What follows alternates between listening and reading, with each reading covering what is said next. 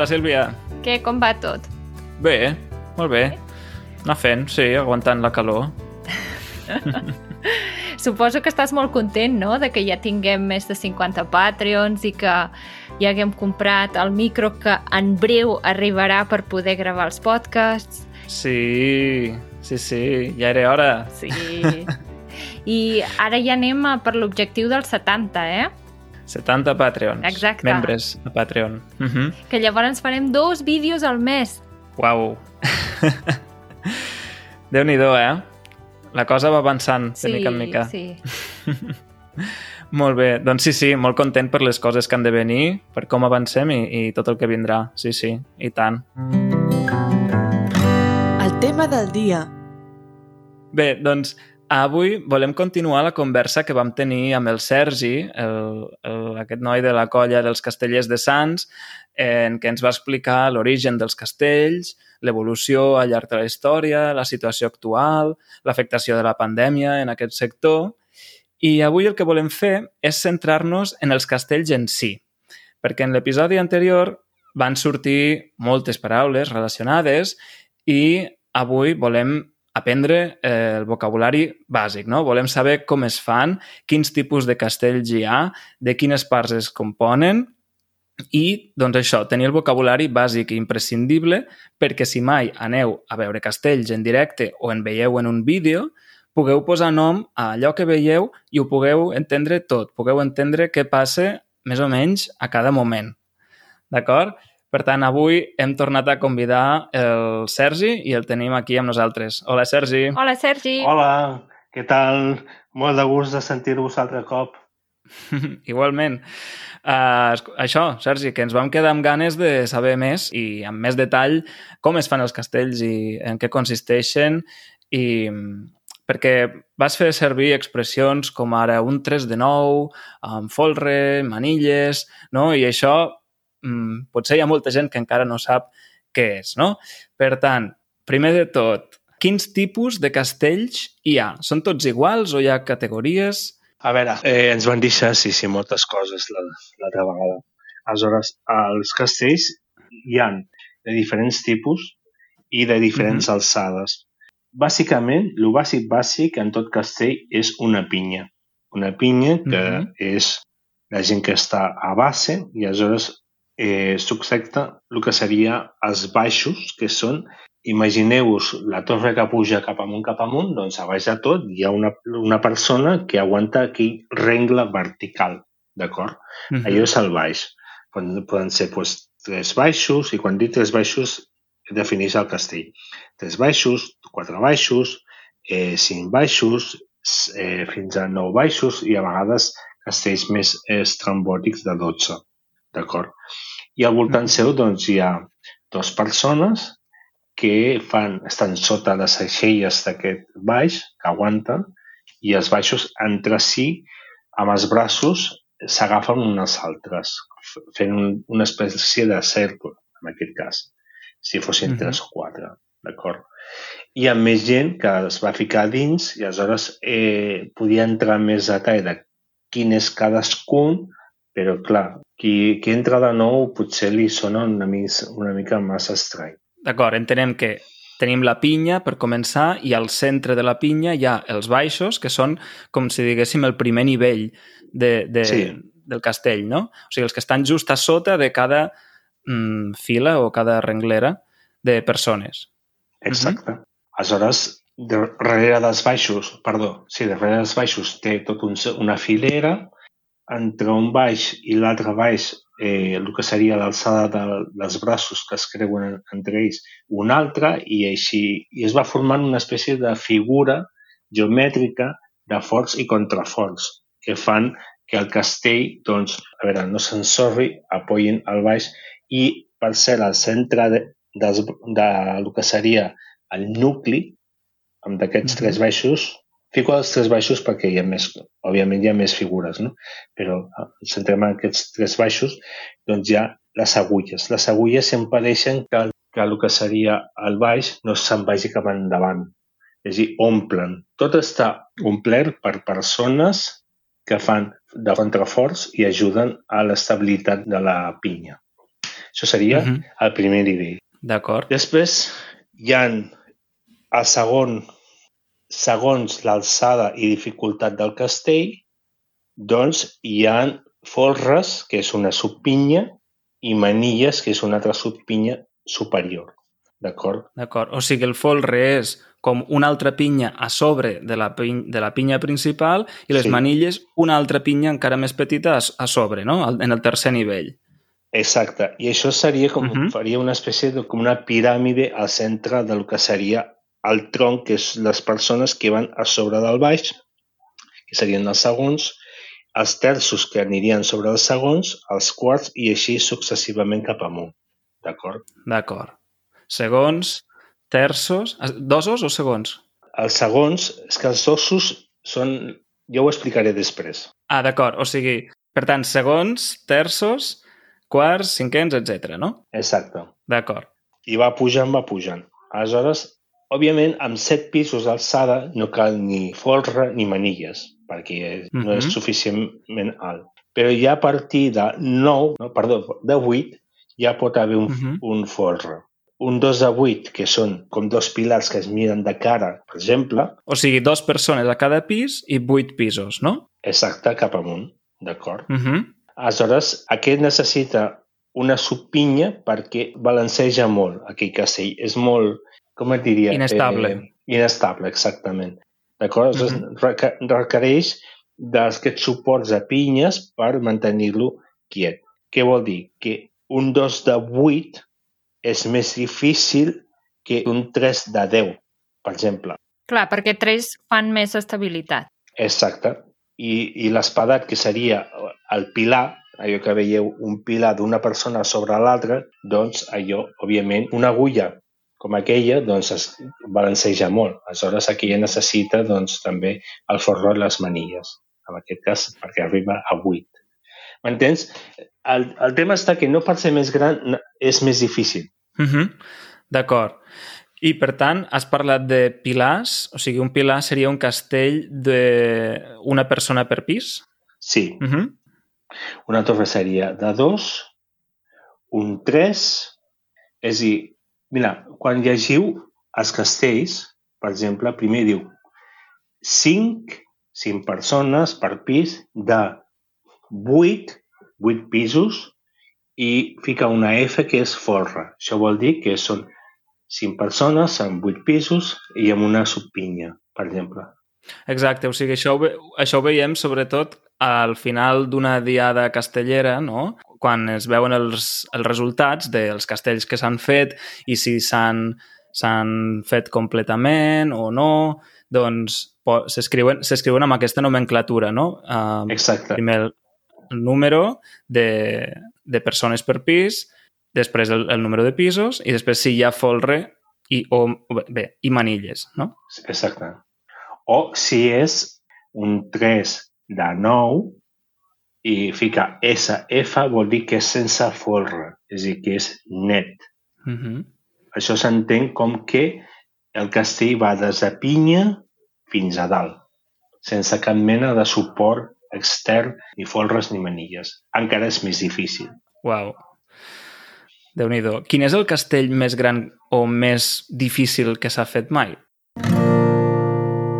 Andreu, ja has entrat al web d'Italki? Oh, i tant. Des que iTalki ens patrocina el podcast, li explico a tothom que tenim una oportunitat perfecta per provar els serveis del web. No sé vosaltres, però la meva opinió és que s'aprèn molt més ràpid un idioma amb un professor particular que no pas amb un grup, ja que el professor particular s'adapta al teu nivell i velocitat d'aprenentatge. Sí, a iTalki hi trobareu un munt de professors particulars, no només per aprendre català, sinó també per aprendre l'anglès, el francès i moltes altres llengües. Penseu que tots els professors anunciants al web fan classes amb tu. Vull dir, són en línia, a, a través d'internet, de l'ordinador, però tenen la mateixa manera de fer com quan el professor o professora ve a casa teva a fer-te una classe particular. Per tant, no té res a veure amb fer un curs per internet sense tutor o que no veus mai un professor, sinó que en tot moment us veieu i, el més important, parleu. Ara sí que ho has dit, parlar. Quan aprens, has de practicar i el millor és que els professors siguin nadius, com els que trobeu a iTalki. I a més a més, cada professor i professora ha fet un vídeo on podeu veure com són, com s'expressen i obtenir també una primera impressió de cadascú. Però ara ve l'important. Heu d'entrar a l'enllaç que us hem deixat a les notes del programa, que és go.italki.com barra easycatalanpodcast i contractar una classe. I després d'aquesta primera classe, amb l'enllaç que us hem donat, obtindreu 10 dòlars per a les classes següents. Exacte, obtindreu aquesta oferta amb la vostra segona classe, així que no us ho penseu més i entreu al web d'italki. Doncs el més gran és el 4 de 10 en folre i manilles, que òbviament és, pesa una tonelada, és exagerat. Si per cada baix hi han com 15 persones envoltant, entre una cosa i l'altra, multiplica això per cada un. Bueno, una, una exageració de gent, molt, molt passant. El 2 de 8 sense folre, doncs és el que parlàvem abans, que són dos, dos piles mirant-se cap un a l'altre, i sense folre és el més, li dèiem la bèstia indomable. Ara està més domada. Mm. I l'últim que s'ha fet d'un rànquing perquè hi ha un rànquing de categoria de castells per dificultat i puntuació, cada castell val uns punts, carregat o descarregat, doncs el 3 de 9 sense folre és el top dels castells que s'han fet ara per ara. Quin, quin castell, perdó? El 3 de 9 sense folre. Sense folre, d'acord. I, I què significa això de carregat o descarregat? Que regat vol dir que l'enxaneta ha arribat a, a dalt de tot. L'enxaneta és la, el pom de dalt són els dosos, que són dos nens o dos nenes, un acotxador, que acotxar vol dir ficar-se de, de cuclilles, per dir-ho així, i després l'enxaneta passa per sobre de, de, de l'acotxador o acotxadora. I aleshores això s'entén com que és carregat, quan fica les cames quan toca les, les dos, els dos dosos. ¿vale? Aleshores es considera carregat i aixeca la mà i allò doncs, vol dir que està carregat. O sigui, la part de dalt del castell és on hi ha els nens petits, no? I sí. has dit que són els dosos, llavors l'acotxador que està a sobre dels dosos i que sí. mm, forme com una plataforma perquè a sobre s'hi posi l'enxaneta, no? Perquè passi per sobre perquè passi per sobre i aixequi la mà, que és l'últim, és, és la senyal que indica que el castell ja s'ha carregat. Exacte. I aleshores, mhm. -huh. si, si aconsegueix allò, aixecar la mà i en aquell moment cau el castell, fa llenya, que es diu, aleshores es mhm. considera carregat. D'acord? Si no ho assoleix, es considera intent, eh, intent vàlid, però ja està, és a dir, no s'ha carregat.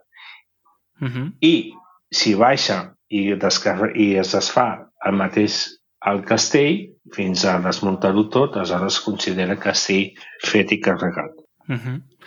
L'expressió aquesta que has dit de fer llenya, la, mm. la llenya són uh, els trossos de fusta o branques, branquillons, que posem en, en una foguera o en una llar de foc, en una barbacoa, per fer foc. No? O sigui, la llenya és tot això i en el cas del castell, dels castells, fer llenya vol dir quan, això, quan un castell cau, quan es desplome i, i cauen totes les persones, oi que sí?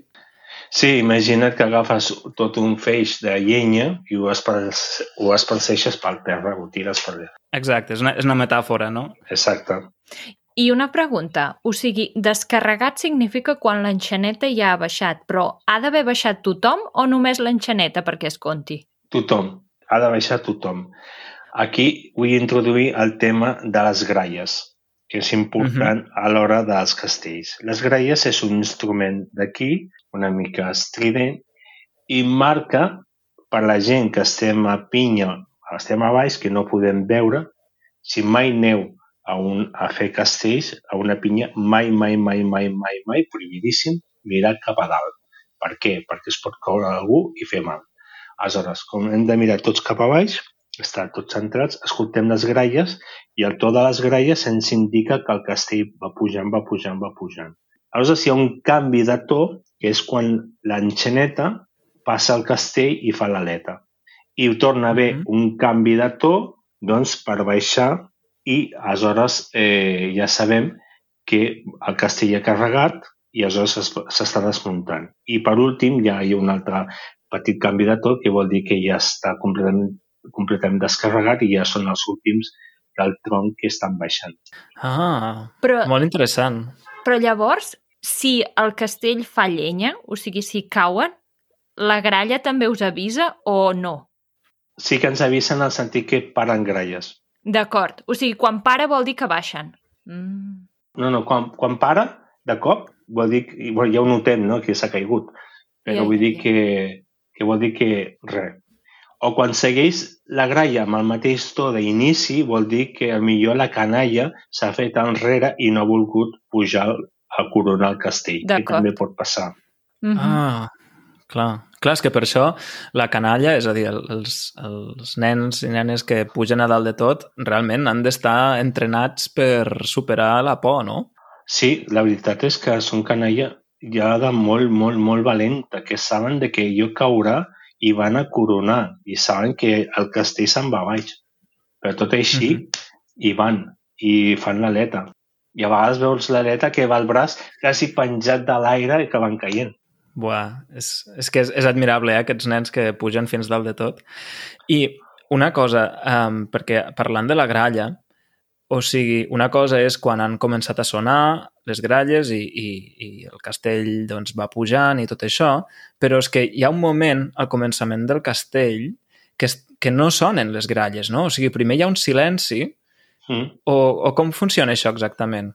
Funciona perquè va en funció, valgui la redundància, de la dificultat del castell. Hi ha castells que es munten a partir de, del, eh, per exemple, el, el 3 a 10, primer munten la pinya, el forre, les manilles i puja al, al quart del que seria el tronc que està bordejat. I allà, quan ho tenen segur, doncs aleshores uh -huh diu el, el, el, cap, el cap de colla o l'encarregat diu amunt i aleshores ja toquen gralles. I quan toquen gralles vol dir que és intent, intent vàlid. D'acord. O sigui, recapitulant, segons la dificultat del castell, no? si s'han de fer manill, folre i manilles, llavors eh, aquesta part es fa en silenci perquè es pugui fer bé, no? perquè, perquè es pugui posar tothom ben col·locat i llavors, si està tot bé, es valida i comença a sonar les gralles per indicar que el castell continua, no? que es tira amunt. Les gralles donen el, el vistiplau a que el castell es puja. És a dir, ja és, és, està, es comptabilitza. Has comentat que hi ha un cap de colla, que és, suposo, una sola persona, i aquesta persona us va guiant durant tot el castell o ja, us, ja ho heu parlat tot abans de muntar-lo? No, el cap de colla eh, pot haver dos caps de colla o cap de colla sots cap de colla. Per què? Perquè a vegades el mateix cap de colla doncs, està al tronc. D'acord? Ah. I aleshores, eh, de, depenent del castell, si està o no està, doncs eh, participa, dona eh, les instruccions. És el que mira com va i, i com va pujant i creu que el castell és factible de pujar. Si pel que sigui remena o veu posicions febles, és possible que el faci baixar per no arriscar, perquè si ja veu que a certa alçada ja rebega molt, doncs diu no, és que no, no pujarà. Clar, si, si hi ha molta tremolor, llavors diu enrere. I no és per la tremolor en si, sinó per les posicions que agafen de, de determinades persones que, per exemple, et diré, eh, tiren massa l'esquena cap enrere, aleshores el castell s'obre i ja es veu que si fiques més peça a sobre, doncs allò cau, per ficar un exemple. És el que vigila des de baix i va donar les directrius a la colla, bueno, als castellers i castelleres perquè vagin pujant. Si està bé, està bé, va aguantant, i a vegades que veus tremolo és normal, però les posicions estan aguantades, el castell està eh, tancat bé, segons el seu criteri doncs van veient si progressa adequadament o no. També depenent de la dificultat del castell, com deien abans. Mm -hmm. Clar. Aleshores anava a dir que això pot ser el cap de colla o sots cap de colla, o, o a vegades hi ha dos caps de colla. Per tant, tenim el cap de colla, hem parlat dels baixos, del, de les agulles, hem parlat dels dosos, dels acotxadors, de l'enxaneta, que és l'última, la, la persona, el nen o nena de l'extrem superior. I, I tu, Sergi, de què fas en la teva colla? Jo volia fer d'enxaneta, però no m'han dit.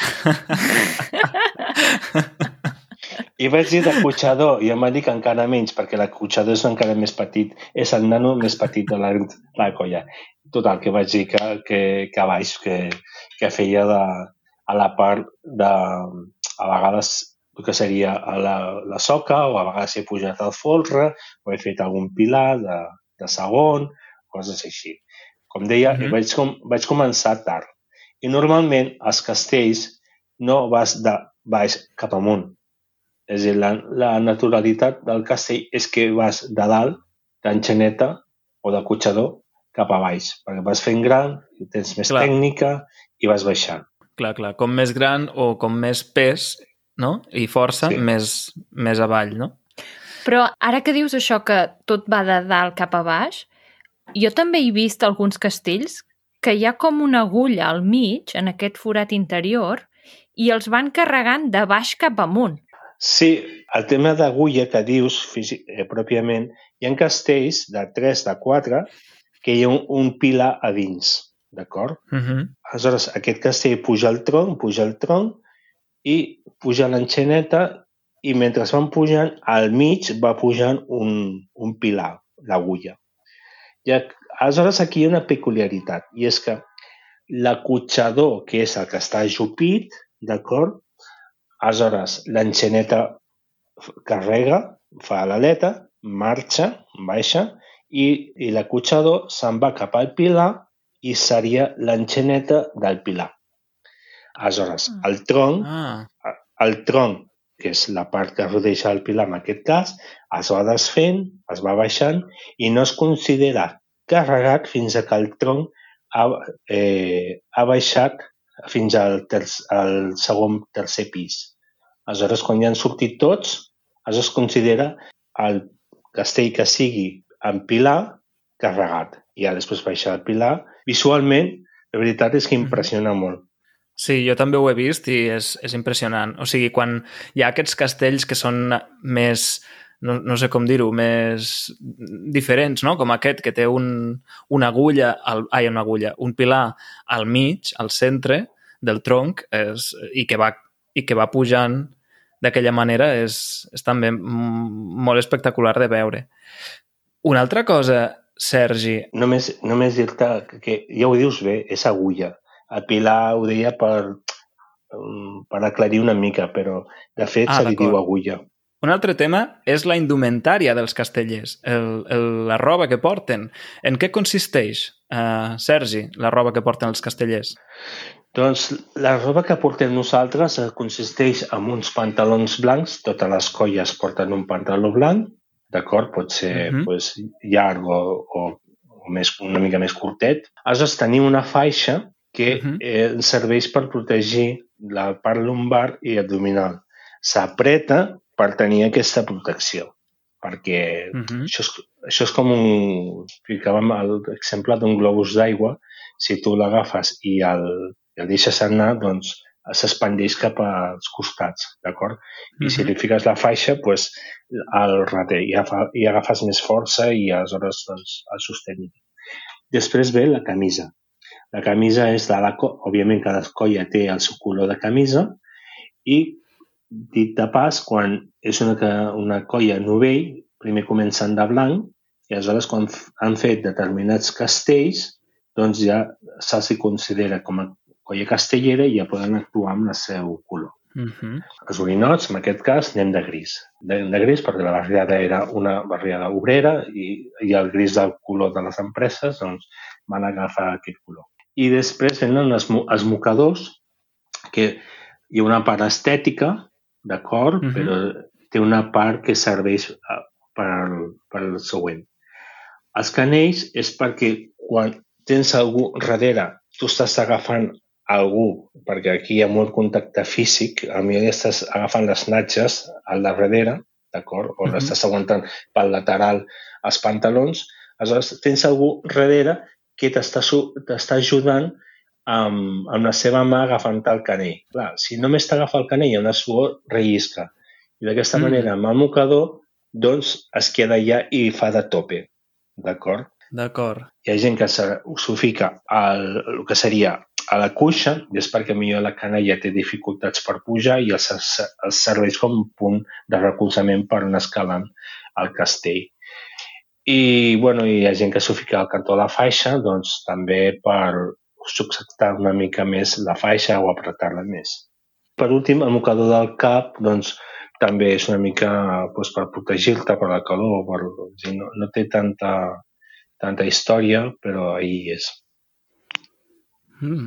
No, però té, té més funcions de les que m'hauria imaginat, perquè jo pensava que el mocador era principalment una qüestió estètica, no? un, un complement més a la indumentària, i, però clar, pel que has dit, pot arribar a funcionar per moltes coses, o sigui, per evitar les relliscades per la suor, per subjectar millor determinades parts, per subjectar-se amb, amb les mans o amb els peus, no? suposo, eh, per protegir-se del sol, o sigui, realment té moltes funcions.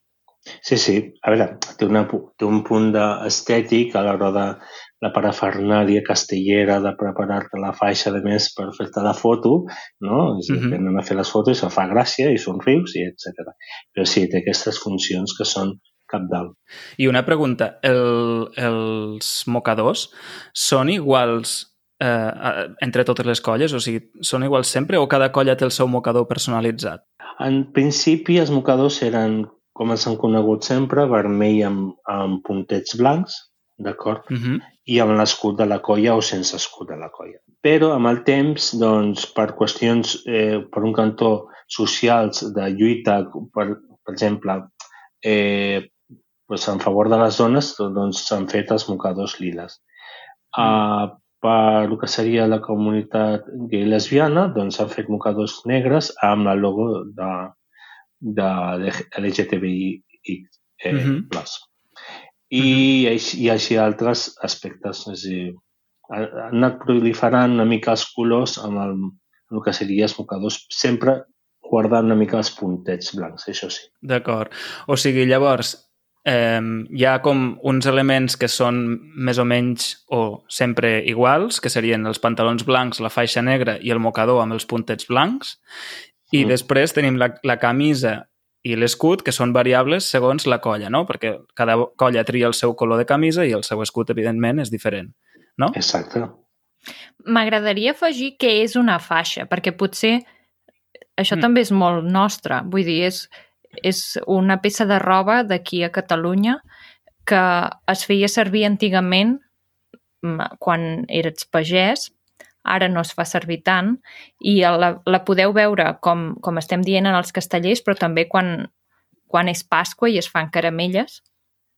I seria com una bufanda una mica més ampla que l'has d'enroscar al voltant de la cintura.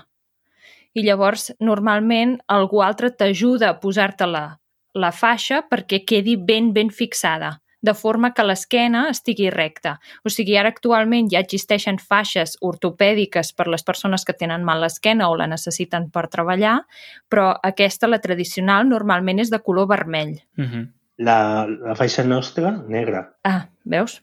Mira. Sí, la dels castellers és negra, però la tradicional catalana també n'hi ha de vermelles. És vermella, uh mhm. -huh. sí. I anem a puntualitzar amb el, amb el nostre cas que sí, que també fiquem faixes eh, ortopèdiques segons la posició, però sota, òbviament, de la faixa negra per una qüestió d'uniformitat. Clar. Mm -hmm. Bé, Sergi, doncs ja hem comentat moltes coses. No sé si ens hem deixat res important en relació amb els castells.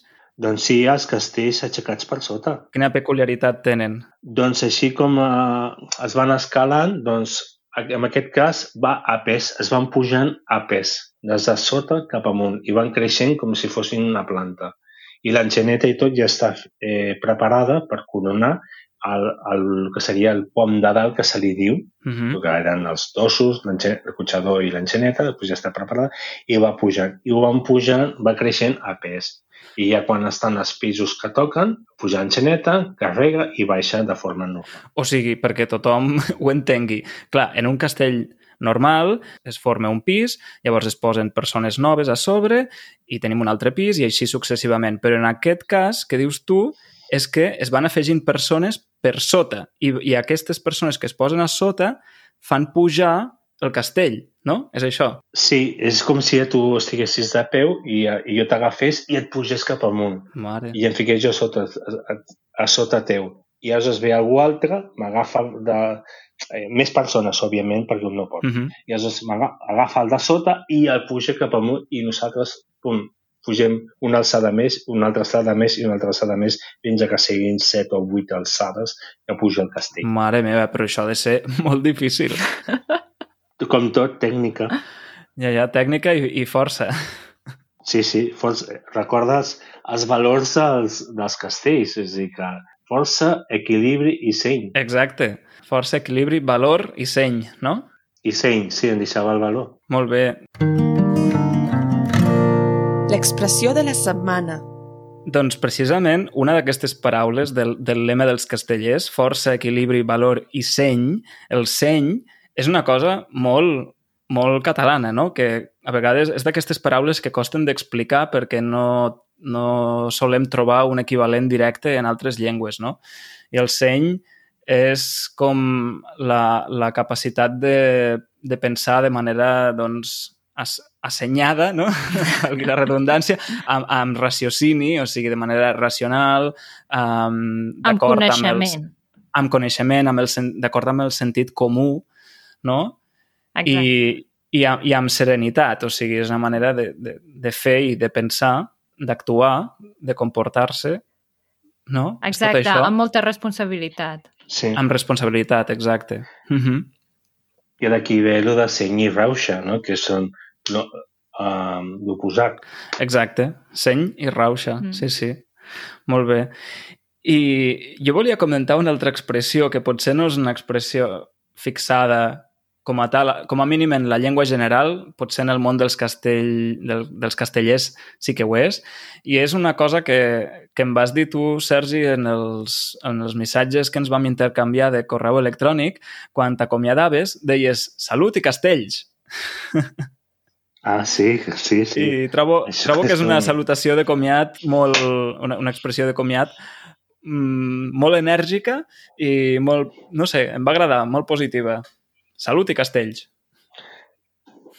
Sí, sí, i, i pit i amunt, també. Pit i amunt. És dir, pit, pit i amunt és com... Pit i amunt literalment és una pit i que el castell pugi. Però també se li diu el que empenta. Diu, Uh -huh. no, diu fot-li. O sigui, donar, donar pit en, en, el, en el món casteller vol dir fer pressió, no?, amb el pit, entenc. Exacte. Uh -huh. Quan estàs a la pinya, Sí. fas pressiones amb el pit a la persona que tens davant, no? Sí, els, els mateixos companys, si neces- necessiten pressió, diuen pit, pit, o Ah. diuen a tu el nom i diuen pit. I aleshores doncs, apretes si tu demanes més pit enrere per fer pressió cap endins. D'acord. I d'aquí surt pit i amunt. I el pit i amunt, clar, surt d'aquí. Pit i amunt de pujar al castell. Molt bé. Perfecte. Doncs salut i castells. Salut i castells. Easy Catalan recomana. Bé, i per últim volem acabar aquest, uh, aquest episodi amb unes últimes recomanacions. Uh, no sé si tens res més per recomanar-nos, Sergi. Doncs en l'altre capítol vaig comentar lo de el documental Enxaneta. Uh -huh. D'acord? És un documental, la veritat és que és llarguet, però val la pena. Uh -huh. I també eh, hi ha un sobre una cosa paral·lela. Els castells són els govindes indis. Ells també fan construccions uns semblants. Es diu govindes, com deia. Això, això són, són indis, no? Són indis. Uh -huh. Jo no vaig tenir oportunitat d'anar, però la meva colla va anar a la Índia i van fer eh, una demostració castellera amb els govindes. D'acord? És, va ser un, un intercanvi cultural, la veritat, fascinant. Ah, sí, ho vaig, ho vaig veure a les notícies. Sí, sí. O sigui, és, és una tradició que no té, o sigui, no té res a veure amb els castells, però és molt similar, no? Exacte. I aleshores el documental es diu Mail Point. Uh -huh. És una, una altra cosa curiosa de, de veure, no? Una altra forma de veure aquest, eh, aquesta estructura feta d'una altra forma i amb, moltes, amb una altra forma de les característiques és completament totalment diferent, evidentment, no? Uh -huh. Però també és un aspecte cultural d'ells amb un aspecte cultural de, de nos, nostre. Uh -huh. Doncs posarem aquest, uh, aquest vídeo que ens, o aquest reportatge uh, en, el, en les notes del programa i també tres vídeos més que, que jo he trobat. Bé, um, un d'ells el vaig veure fa molt temps i em va impactar molt i l'he recuperat. Uh, és un vídeo dels Minyons de Terrassa, o sigui, és una colla castellera de Terrassa, i és un vídeo en què um, carreguen i descarreguen un 4 de 10 amb folre i manilles. I, i bé, o sigui, el vídeo en si és espectacular, llavors a mi em va impressionar molt i crec que, que, que està molt bé per fer-se una idea de la dimensió que poden arribar a tenir els castells, no? perquè un 4 de 10 amb folre i manilles és un castell de gamma alta, no? Sí, sí, gamma extra. Gamma extra. Uh -huh. Superior, doncs és del top top. déu nhi I, I bé, és un vídeo que dura 4 minuts i és, és molt, molt intens. Un altre vídeo que vaig trobar i em va agradar molt és un vídeo titulat Les primeres mans. No sé si el coneixes, Sergi. Les primeres mans. Primeres mans em sona. I és sobre, bé, és sobre el concurs de castells. I és un vídeo que està fet a, a partir de fotografies del, del concurs de castells, d'acord? O sigui, no és, no, són, eh, no és un vídeo pròpiament dit, sinó que són, són diverses fotografies que retraten doncs, tot l'esdeveniment de, de formació d'un castell en el concurs de castells. I el que està molt bé és que no només són fotografies, sinó que va acompanyat de l'àudio, dels sons, de tots els sons que se senten al llarg de la construcció d'un castell. Des de el silenci que hi ha al principi, quan es conforma la pinya i, i el folre i les manilles, fins... I, I llavors sents, per exemple, els comentaris, le, eh, tot el que diuen les persones que estan allà dintre ficades dintre de la pinya i fins al so de, la, de les gralles i els aplaudiments i tota l'eufòria, no? I està molt bé perquè a través de fotografies i de l'àudio tens una experiència molt pròxima al que podria ser estar ficat dintre del castell, perquè és això, sents el que passa a dintre. I és superinteressant. Llavors, aquest també us el posarem a les notes del, del programa. Sí, aquest, ara me'n recordo que parlo de la, dius de les pinyes, que es veu molt clarament quina és l'estructura Uh -huh. i, i com es viu per dins. Sí. Exacte. sí.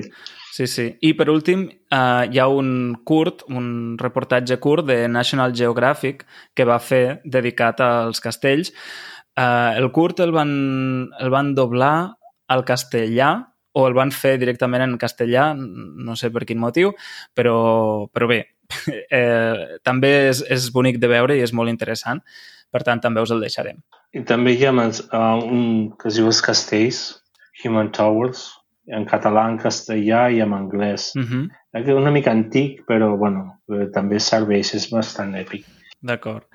Doncs us posarem tot això a les notes perquè us pugueu fer una idea ben completa de, del que és l'experiència castellera. I, I doncs res, amb això acabem eh, els dos episodis dedicats a aquest tema. Esperem veure castells aviat eh, i, i poder-ho gaudir un altre cop. Suposo que tu en deus tenir moltíssimes ganes, no, Sergi? Uf, la veritat és que sí, ja tinc ganes.